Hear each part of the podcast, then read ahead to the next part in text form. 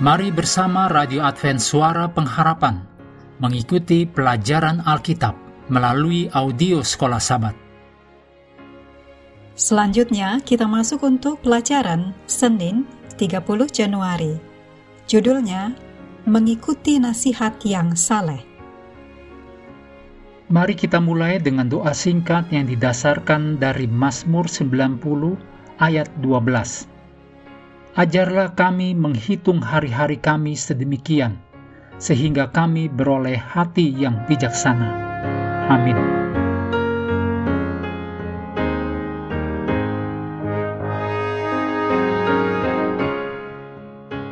Kita adalah makhluk yang bersifat materi, dan kita hidup dalam dunia materi. Satu dunia yang terkadang dapat sangat memikat anda harusnya terbuat dari baja dan minyak sintetis, bukan dari daging dan darah, yang tidak akan merasakan godaan kepemilikan materi dan keinginan pada kekayaan.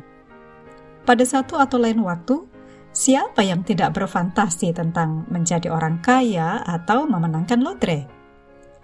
Meskipun kita semua menghadapinya, dan tidak ada yang salah di dalam dan dari bekerja keras untuk mencari nafkah yang baik atau bahkan menjadi kaya, tidak seorang pun dari kita harus menyerah pada perangkap yang menjadikan uang, kekayaan, dan harta benda sebagai berhala. Kita dijanjikan kuasa ilahi untuk tetap setia pada apa yang kita tahu benar. Hal ini penting karena pencobaan dari kekayaan dan harta benda telah membawa banyak jiwa kepada kebinasaan. Dua ayat berikut temanya sama, memperingati kita agar jangan mengasihi dunia, termasuk mamon. Matius 6 ayat 24 Tak seorang pun dapat mengabdi kepada dua tuan. Karena jika demikian, ia akan membenci yang seorang dan mengasihi yang lain. Atau ia akan setia kepada yang seorang dan tidak mengindahkan yang lain. Kamu tidak dapat mengabdi kepada Allah dan kepada mamon. 1 Yohanes 2 ayat 15. Janganlah kamu mengasihi dunia dan apa yang ada di dalamnya.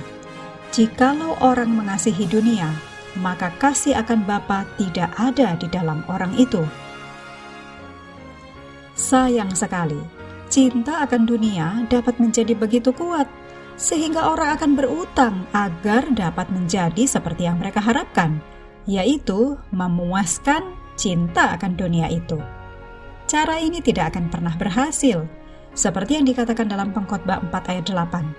Ini pun kesia-siaan dan hal yang menyusahkan. Dan oleh karena utang adalah salah satu dari jerat iblis yang dia letakkan untuk jiwa-jiwa, adalah masuk akal kalau Allah ingin melihat anak-anaknya bebas dari utang Allah telah memberi kita nasihat melalui kitab suci dan karunia nubuatan yang akan membawa kita kepada kemerdekaan keuangan. Mazmur 50 ayat 14 dan 15 mengatakan sikap yang seharusnya umat Allah hidupkan, yaitu ayat 14, Persembahkanlah syukur kepada korban kepada Allah, dan bayarlah nasarmu kepada yang maha tinggi. Ayat 15, Berserulah kepadaku pada waktu kesesakan, Aku akan meluputkan engkau, dan engkau akan memuliakan aku. Apa artinya bayarlah nasarmu? Kita masuk menjadi anggota gereja dengan pujian dan rasa syukur kepada Allah kita karena Allah telah menciptakan dan menebus kita. Di poin yang ke-9 dari 13 janji baptisan kita, kita ditanya, Apakah engkau percaya pada organisasi gereja?